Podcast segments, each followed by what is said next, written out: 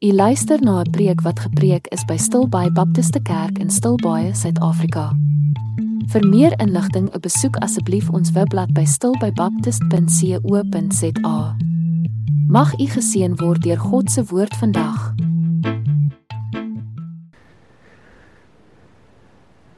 Kom ons raak net weer stil voor ons God se woord oopmaak.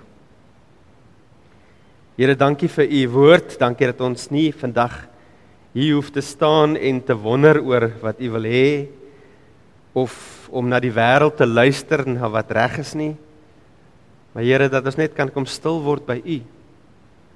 U u woord was nog altyd waar en die woord sal vir altyd waar wees. Dit was nog altyd u stem en dit sal altyd u stem wees vir ons. En so Here, help ons om in nederige gehoorsaamheid te kom en en eerlik te wees waar ons kort kom maar ook te bemoedig word waar ons sukkel. En om net te kom hoor dat U is nie 'n sweepslaander nie, maar U is 'n God van liefde. 'n Vader wat ons in die regte rigting wil stuur. Here, dankie dat ons U stem bo alles kan aanvas. Ons bid dit in die wonderlike naam van Jesus. Amen. Ons kom uiteindelik aan die einde van 1 Korintiërs aan, kan jy dit glo? Na 47 preke is ons uiteindelik deur die boek 1 1 sê ek 1 Tessalonisense, wat sê ek? Sjoe. Okay, na 47 ken ek nog steeds nie die naam van die boek nie. Na 47 preke is ons uiteindelik deur die boek 1 Tessalonisense. Ehm um, as jy gemis het en jy wil meer gaan kry, die meeste van hulle is op YouTube en hierdie onlangs is gaan ons nou die net die audio oplaai. Ons gaan ons neem nou nie meer video's nie, maar die audio sal beskikbaar wees aanlyn. Ehm uh, maar 47 is baie want dit is nie so 'n lang boekie nie, so mense kan baie keer wat sê altyd jy you miss the forest for the trees. Jy raak so gefokus op die klein goed dat jy vergeet wat die wat die groot prentjie is van die boek. So voor ons na vandag se laaste vers kyk, wil ons net gou weer van mekaar 'n herinnering gee oor hoekom hoekom is hierdie boek daar? Hoekom het Paulus hierdie brief geskryf? So hy het, hy het hierdie brief geskryf vir die kerk in Tessalonika Ons gaan nou daar op die kaart kyk waar Tessalonika is. Ehm um, en die doel van die brief wat wat Paulus geskryf het is om hulle te leer en hulle te inspireer. Die die term wat ons die hele tyd gebruik het is om die pad van woord en krag te stap. Want hierdie was 'n was 'n was 'n klein onbekende kerkie, nie onbekend nie, maar baie jong kerkie wat wat geplant is deur deur Paulus en Paulus het gewoonlik daarvan gehou om ten minste 2 jaar te bly by 'n nuut geplante kerk voor hy aanbeweeg. Iemand is teen ons. OK. Ehm um, Ek dink nie hulle nie, hulle is af daar so. OK. Ek moet maar net doodstil staan. Sê. So daarso gaan jy sien op die kaart, daar's die, die dorpie Tessalonika. Ehm um, en dit is waar Paulus sit in Korinte en hy skryf die briefie aan hulle die briefie want dit is maar 'n kort brief aan hulle daar in Tessalonika. Soos ek gesê het, hy het daarvan gehou om vir 2 jaar by 'n nuwe kerk te gaan sit en vir hulle die pad van die Here te wys voor hy aanbeweeg, voor hy gemaklik gevoel het. Maar hier het dit nie gebeur nie want wat hierso gebeur het is dat die Jode het ingekom. Hulle het nie van gehou wat gebeur nie en hulle het die dorp opgesweep en Paulus moes vlug. En hoekom pla dit Paulus? Want Paulus het verstaan hoe evangelisasie werk. Ehm um, die Amerikaners het baie goeie dinge in die lewe vir ons gedoen, maar een van die slegte dinge wat die Amerikaners ingebring het, is McDonald's evangelisasie. Het jy al ooit van McDonald's evangelisasie gehoor? McDonald's evangelisasie uh, is soos hoe werk McDonald's? Jy ry tot by die eerste venster, dan kyk jy na die menu, dan sê jy, "Ag, oh, dit lyk goed. Ek wil daai ene hê." Dan ry jy na die volgende venster en betaal jy, dan ry jy na die volgende venster en kry jy jou pakkie, dan is jy weg. En McDonald's evangelisasie is jy kom by 'n groep mense, jy sê, "Jesus is goed, die hemel is lekker, die hel is sleg." Uh wie wil vir Jesus kies? Ah, al die hande op. Okay. 1 2 3 4 5 6 7. Skryf dit neer. Yes, vandag is 500 mense. Dis nie Daniel nie. Ek seker daarvan. OK. Vandag is 500 mense gered en dan gaan hulle huis toe. En hulle los die mense. Geen voorbeeld in die Bybel dat daar ooit enige evangelisasie so gedoen is nie.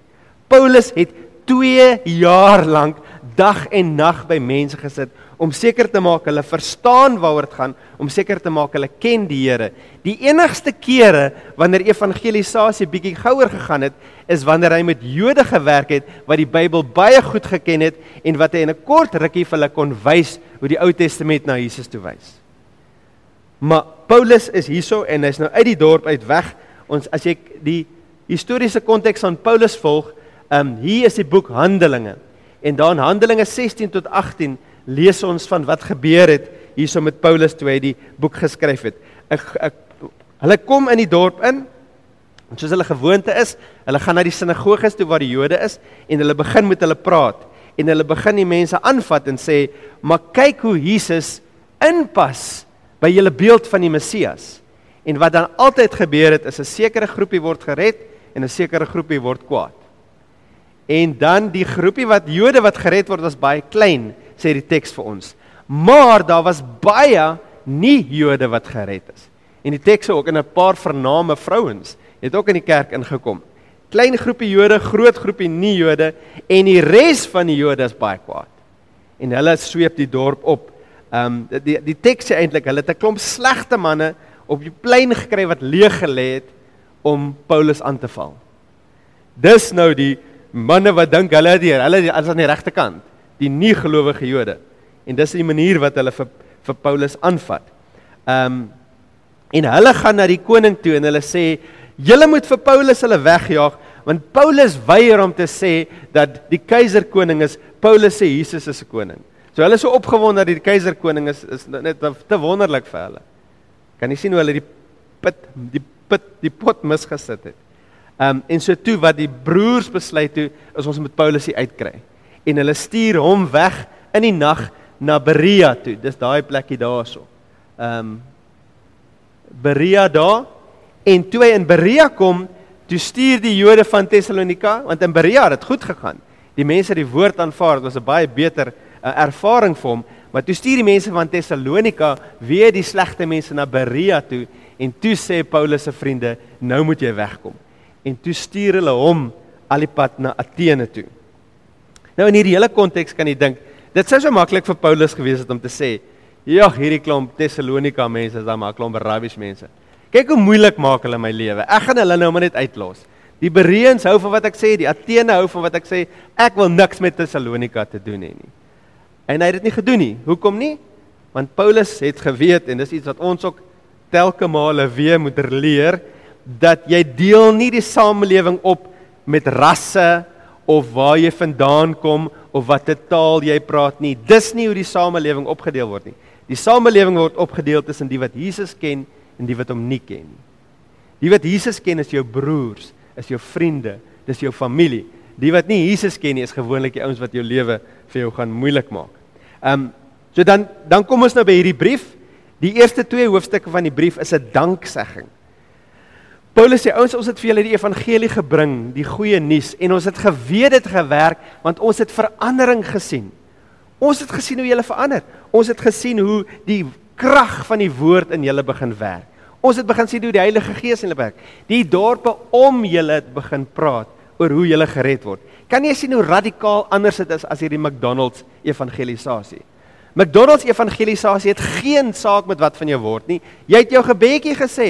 Woehoe, jy gaan hemel toe. Paul, dit sou baie vreemd vir Paulus gewees het. Paulus sê ons kon sien jy is gered. Nou sê hy daardeur hulle is perfek gewees. Natuurlik nie, was dit nie nodig vir hom om die brief te skryf nie. Hy weet hulle was nog aan die begin van hierdie reis van heiligmaking, maar daar het iets gebeur. Pieter Pollock, um, wat rondgaan en die mense van Jesus vertel, het altyd hierdie storie wat hy vertel en sy sy sê ding is no change no Jesus. No change no Jesus. As daar nie verandering is nie, dan is Jesus nie daar nie. En die storie wat vertel word is van die ou wat laat aankom by 'n by 'n vergadering en hy hardloop daar en hy sê: "Ag oh, ouens, ek is so jammer ek is laat, maar julle sal nie glo wat met my gebeur het nie. Ek het daar in die pad gestap en toe kom daar hierdie dubbeldekker bus aan en toe ry hy oor my met sy voorste wiele en met sy agterste wiele en toe kom die busdrywer agter iets het verkeerd gegaan. Toe reverse hy om te kyk wat fout is en toe ry hy weer oor my en weer oor my, maar gelukkig kon ek vandag hier wees." En hulle kyk na hom en sê: "Maar jou klere is dan nie eens vuil nie." En dis dan sê Pieter Paul ek nou dieselfde ding met Jesus. Jy kan nie vir iemand kom sê, "Ag, oh, Jesus het my lewe verander." Dan sê almal, "Maar niks is anders nie. Jy's nog dieselfde ou." No change, no Jesus. So Paulus skryf vir Tessalonika en hy sê dis my so besonder dat te midde van die verdrukking wat julle beleef het want onthou sien net Paulus wat aangeval is deur daai mense nie die hele kerk het swaar gekry onder hierdie Jode en hierdie leegleers hy sê ten spyte daarvan het julle voorbeeld geword um en so dan herinner Paulus hulle in daai hoofstuk 1 en 2 aan die suiwerheid van sy werk hoekom hy gekom het om te doen dat sy motiewe suiwer was En hoekom sê hy dit? Want die Jode sou nou intussen vir die mense gesê het, "Maar hoekom loop julle agter Paulus aan? Hy probeer net ryk word uit julle uit. Hy probeer julle net mislei." En Paulus sê, "Ek het niks by julle gekry nie. Ek het net vir julle gegee." OK, dan kom ons by hoofstuk 3. En hier is Paulus se diep bekommernis oor hulle dat hy nie by hulle kan uitkom nie. Dat hy wonder hoe gaan dit met hulle? Hy weet nie dis nie WhatsApp daar en kyk op hulle WhatsApp status is hoe dit met hulle gaan nie. Hy weet glad nie hoe dit met hulle gaan nie. Hy wonder wat met hulle gebeur het. En ek weet hy kan nie so toe gaan nie. Nou stuur hy maar later vir Timoteus en is net so goeie nuus toe Timoteus terugkom en Timoteus sê hulle stap nog steeds saam met die Here. Daai verandering is nog steeds daar en dit gaan goed onder omstandighede. Een van die video's wat iemand gemaak het van die opsomming van die boek dan die prentjie wat hy teken van die Tessalonika mense wat sê is goed. Is ek 'n mannetjies wat staan met hulle duime op, maar hulle het beserings en blou oë en hulle arms is gebreek en alles, maar dis ten spyte van omstandighede gaan dit goed. Die Here is nog by ons.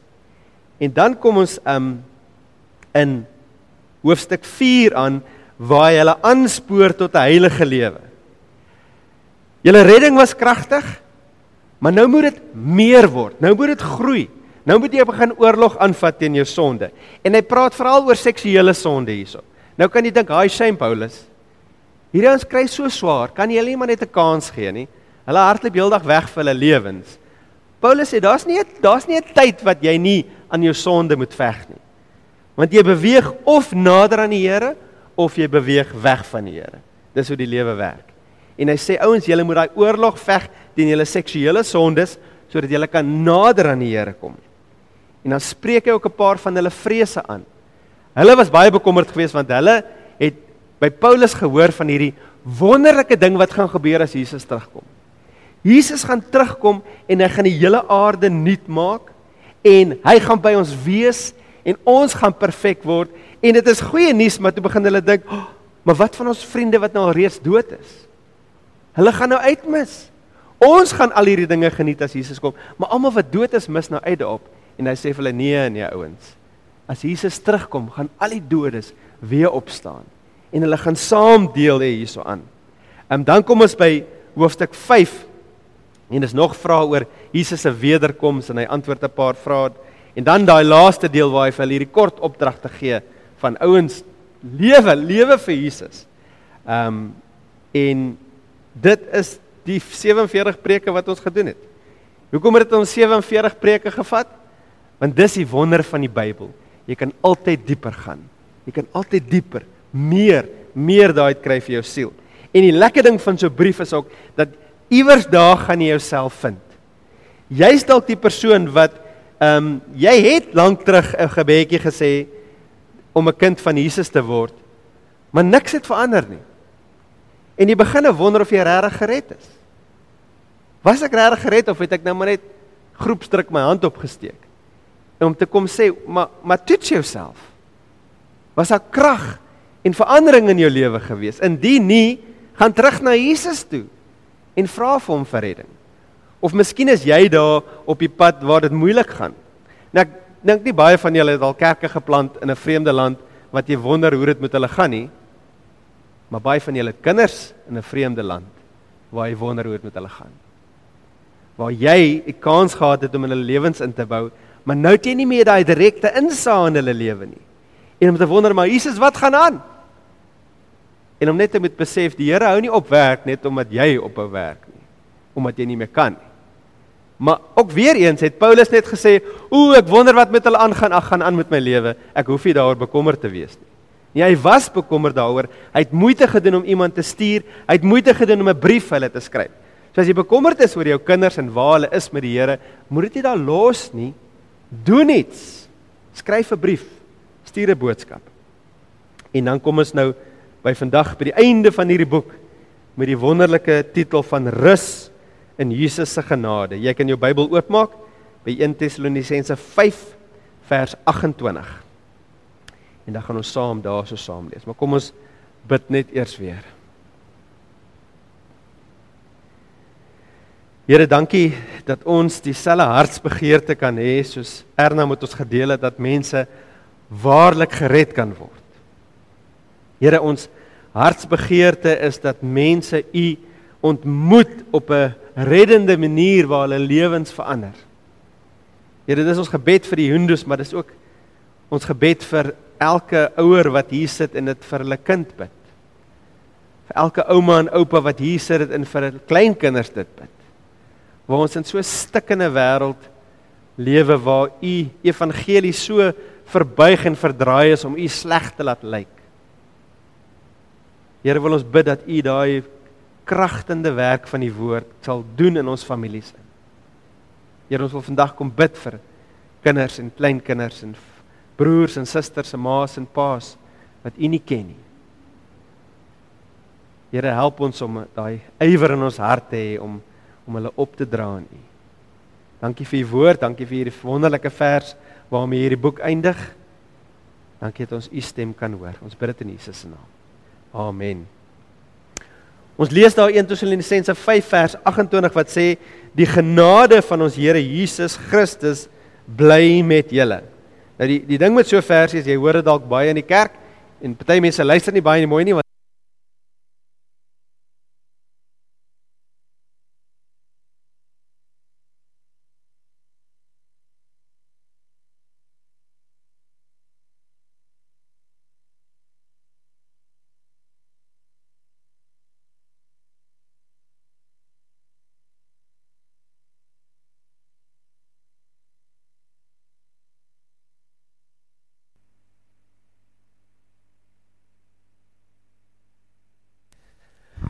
So ek sê hierdie vers hoor ons baie keer en so as jy seën gebed en hoe en mense wat die Here ken is baie opgewonde oor hy seën gebed om hom te vat vir die week wat kom. Maar ons wil vandag bietjie dieper daarna kyk en en dis meer as net 'n betekenlose groet. Dis nie net van totsiens by einde van die brief nie. Omtrent elke woord hierso het soveel waarde. Dis 'n belofte van die Here se ewige goedheid wat saam met sy kinders bly. En so die eerste woord daarso is genade. Nou sê julle vir my wat beteken genade? Hier is 'n maklike vraag, dit gaan nog moeilik word. Onverdiende goedheid van die Here. So hoe beleef ons dit? Wat wat as ek nou hier moet staan en sê ek belewe die Here se genade op hierdie manier, wat sal ons sê?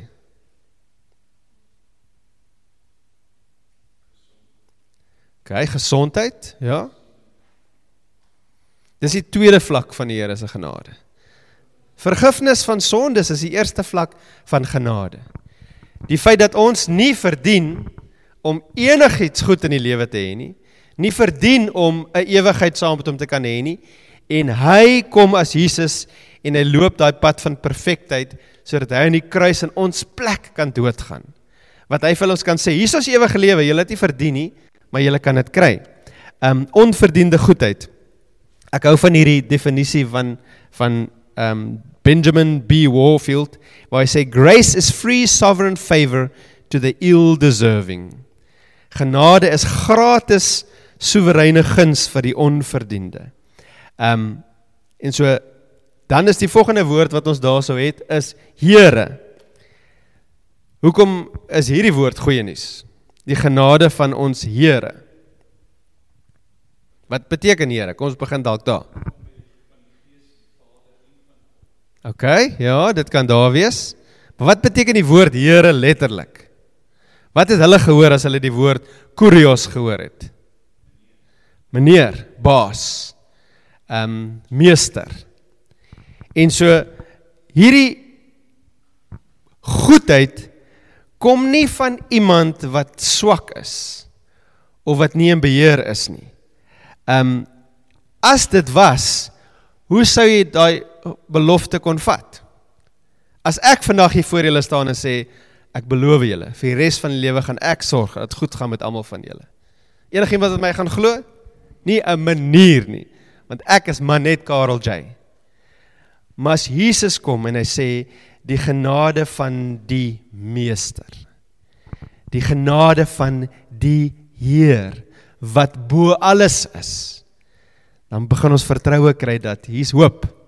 Hier's hoop hiervoor. Nou in ons Daniël Bybelstudie het ons um afgelope Woensdag gekyk na Daniël 10 waar daar ek glo hierdie Christofani is, hierdie hierdie voorbeeld van Jesus wie hy was voor hy mens geword het. Want dis ongelukkig die probleem van die meeste nominale Christene.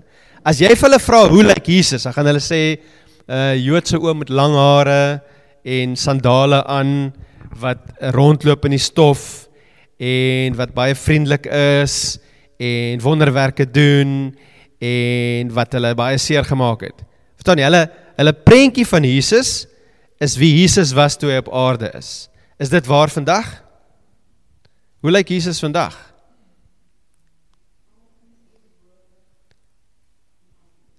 Besonders vreesaanjaend. Nou nou party mense sê jy kan nie daai woord gebruik nie. Dis nie 'n mooi woord om te gebruik vir Jesus nie. In Daniël, toe hierdie Jesus voor Daniël verskyn en in Openbaring toe hierdie Jesus voor Johannes verskyn, wat het albei van hulle gedoen? Neergeval soos dood. Dis baie vreemd, want Johannes was Jesus se beste vriend op aarde. Hier het hy weer 'n ontmoeting met sy beste vriend, maar sy beste vriend is in 'n nuwe vorm, 'n verheerlikte vorm. En dis vreesaanjaend hoe groot en hoe majestueus en hoe kragtig hierdie Jesus is. En hulle albei val op die grond neer. En dit was so mooi in Daniël, dan kom Jesus na Daniël toe en hy sê Daniël, jy is baie geliefd. Want dit is nie vreesaanjaend dat jy moet weghardloop nie. Dis vreesaanjaend dat jy in vertroue kan naderkom dat hierdie 'n sterk God is wat jou kan help. OK, so die goeie nuus is Jesus is in beheer en dan kom ons by die by die volgende een wat hy sê daarso, die woord Jesus wat sy naam is. Ehm um, dit wys vir ons die mensheid van Jesus, maar dit wys ook vir ons wat hy gedoen het, want wat beteken die woord Jesus?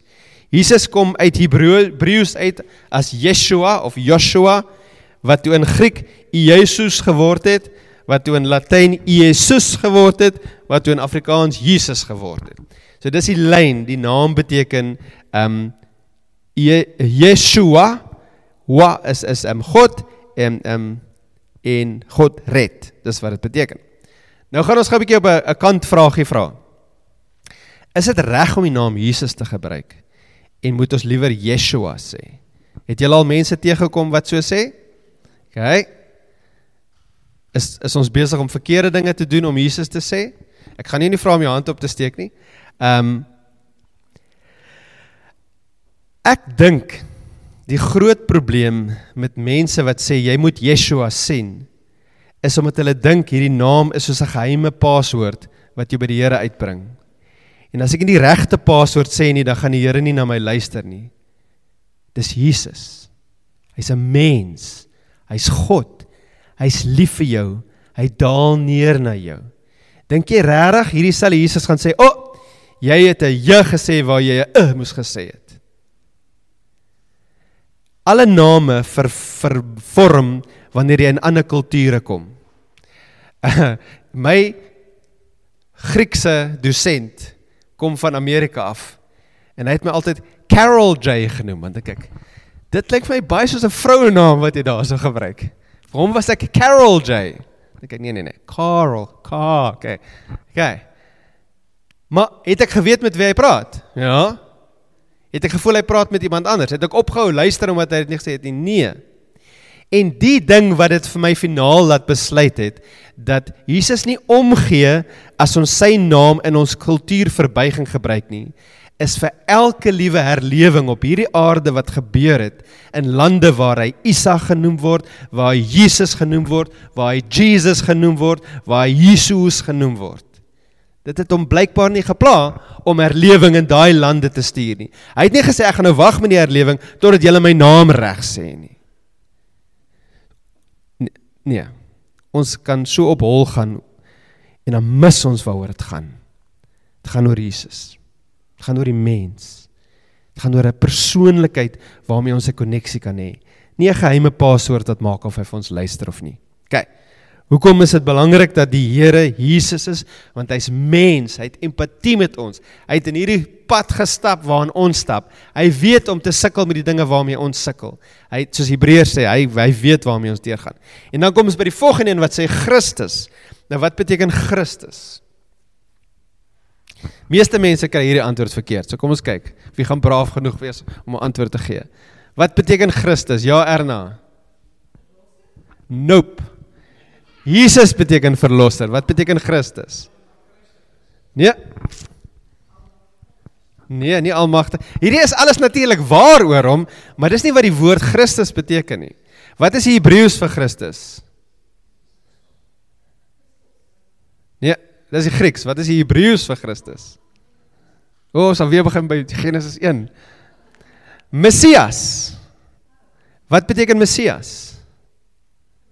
Gesalfde. So hy is die verlosser, maar Christus beteken nie verlosser nie. Christus beteken gesalfde. Daar's 'n woord in Grieks kreien om gesalf te wees. Jy kry dit um, in ander plekke waar iemand gesalf word, word hy gekreien en van daai kry jy kry jy stos, dan word dit 'n persoonlike naam, die gesalfde een. En dit beteken natuurlik verlosser. Dit beteken koning eintlik meer as verlosser. As iemand 'n gesalfde was, dan was hulle gewoonlik 'n koning gewees. Um en in die Ou Testamentiese prof, profeseë begin ons hierdie boodskap kry van daar gaan 'n gesalfde een kom. Ons wag vir die gesalfde een die een wat gesalf is deur God om sy werk te kom doen. So natuurlik, hulle verstaan was verlosser. Want dit was die werk van die gesalfde was verlossing. En so hoekom is dit goeie nuus?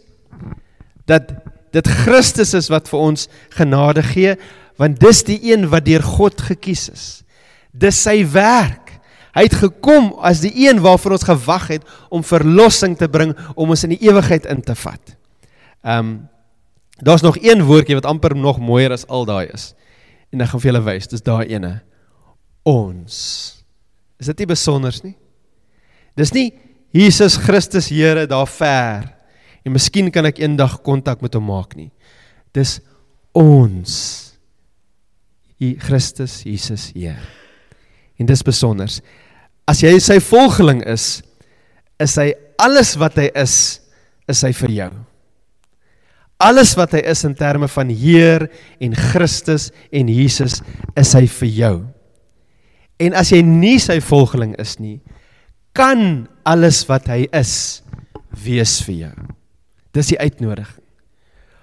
Kom na my toe, bely jou sondes, vra vir vergifnis en ek sal jou Heer word die een wat mag kan hê om jou lewe rigting te gee. Ek sal jou Jesus word, jou verlosser, iemand wat empatie met jou het. Ek sal jou Christus word, die gesalfde een wat gestuur is om hierdie vir jou te doen. Ehm um, so dit kan waar wees as jy nog nie 'n kind van die Here is nie, ontmoet hierdie Jesus. As jy moet kom gesels met my as jy hom nie ken nie. Ek wil jou vertel. Dit gaan miskien 2 jaar vat, maar ek wil jou vertel om te leer ken wie Jesus is. En dan raak dit nog beter Die genade van ons Here Jesus Christus gaan soms vir julle so klein bietjie beskikbaar wees. Is dit wat die teks sê? Hierdie onverdiende guns is nie net vir soms nie. Dis nie net of Jesus daai dag so voel nie. Dis nie asof jy soet genoeg was daai dag dat jy dit kan kry nie. Hierdie bly by julle.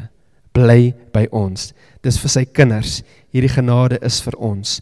Ons is die onverdiende gelukkige begunstigdes van 'n ewige geskenk van genade. Ek dink nie hierdie boek kon op 'n beter punt geëindig het nie, want daar was 'n paar moeilike dele in hierdie boek. Dis bietjie moeilik om te hoor. Paulus maar dit gaan bietjie moeilik met ons. Ja, maar luister bietjie hoe die Here sê jy moet lewe. En dan kom hy en hy sê, "Maar onthou net aan die einde van dit alles. Jou pad met die Here is meer sy werk as wat dit jou werk is. Ja, jy moet kom. Jy moet kom in bereidwilligheid. Jy moet kom met 'n begeerte om gehoorsaam te wees, 'n begeerte om hom te volg, maar jy het nie die krag om dit te doen nie. Jy het nooit die krag om elke dag van jou lewe aan te hou om te volg, aan te hou gehoorsaam te wees, aan, aan te hou om dit oor hom te maak nie. En dan is die goeie nuus dat daai dag wat jy so sukkel, dan kyk jy op en sien jy, daar's my Here Jesus Christus. En sy genade bly altyd by my. En dit gee vir jou die krag om weer op te staan en die volgende tree te gee en die volgende tree totdat hy weer kom. So dis die einde van 1 Tessalonisense. En nou gaan ons reguit in 2 Tessalonisense in wat nou 'n bietjie later as hierin geskryf is, dan kan ons bietjie begin sien wat het intussen gebeur met hulle. Wat is die nuwe dinge wat Paulus vir hulle wil sê? Maar kom ons groet mekaar na ons gesing het. Gaan ek ons gaan ons mekaar groet met die genade van ons Here Jesus Christus. Bly met julle. Maar ons gaan dit bietjie anders doen. Ek gaan dit nie sê nie. Ons gaan dit vir mekaar sê. Ehm um, ons mag. Mag ons dit doen? Kry jy 'n lisensie voor jy die seën mag uitspreek? Enige so iets in die Bybel? Nee. Paulus skryf vir hulle ons gee dit vir mekaar, dis 'n seëngroet. OK, so ons gaan dit net vir mekaar sê want ons kan want die genade van ons Here Jesus bly met julle. So jy sê dit nou vir almal om jou. So kom ons sê dit 1 2 3. Die genade van ons Here Jesus Christus bly met julle. Amen. Ons hoop u was geseën by die aanhoor van God se woord vandag. Vir meer inligting of vir gebed, besoek asseblief ons webblad by stilbybaptist.co.za. Mag u u lewe vind in Jesus Christus en hom alleen.